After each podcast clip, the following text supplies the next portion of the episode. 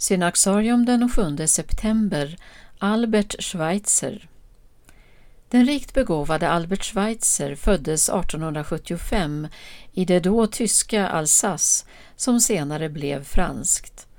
Han var en mångfacetterad person som kom att göra framstående insatser som teolog och präst, läkare, filosof, musikforskare och missionär. Schweitzer var bland annat en framstående organist och tolkare av Bach, om vilken han skrev ett nydanande verk. Som professor i Nya testamentet vid universitetet i Strasbourg publicerade han verk som betraktas som milstolpar i 1900-talets bibelforskning. Schweitzer gjorde upp med många av de överdrifter som kommit att fördunkla bilden av den historiske Jesus inom forskningen. Han bildade skola genom sin återupptäckt av eskatologin inom protestantisk teologi och gav viktiga bidrag till studiet av paulinsk exegetik och spiritualitet. Övertygad om att den enda vägen att verkligen lära känna den historiske Jesus var att följa i hans spår bestämde sig Schweitzer för att ta läkarexamen. År 1913 flyttade han till Gabon i franska Ekvatorialafrika. Under första världskriget hamnade han i fransk fångenskap men öppnade senare ett sjukhus i Lambarene där han hängivet verkade som läkare under många år. Hösten 1915 är han med om en genomgripande upplevelse när han på ett sjukbesök i Centralafrika sitter på en prom som släpar efter en båt. Schweitzer hade kommit in i en tankens återvändsgränd.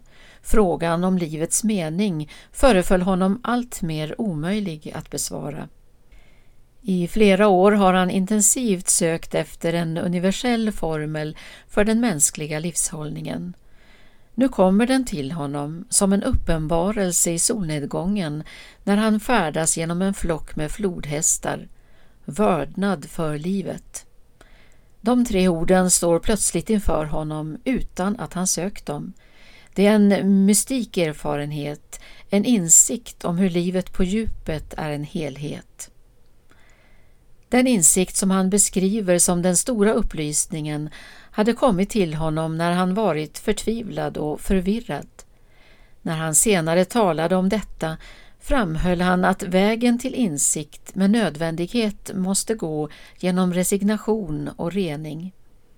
Vördnaden för livet skulle bli den princip som drev Schweitzer i hans livsgärning. Erfarenheten hösten 1915 bidrog till att han långt före de flesta kom att ta ställning för sådant som u-hjälp och naturvård och mot imperialism, nationalism och materialism. Albert Schweitzer belönades med Nobels fredspris 1952. Efter sin hustrus död 1957 återvände han till Lambarene och arbetade outtröttligt med sina patienter till slutet av sitt liv. Schweitzer dog i Gabon den 4 september 1965.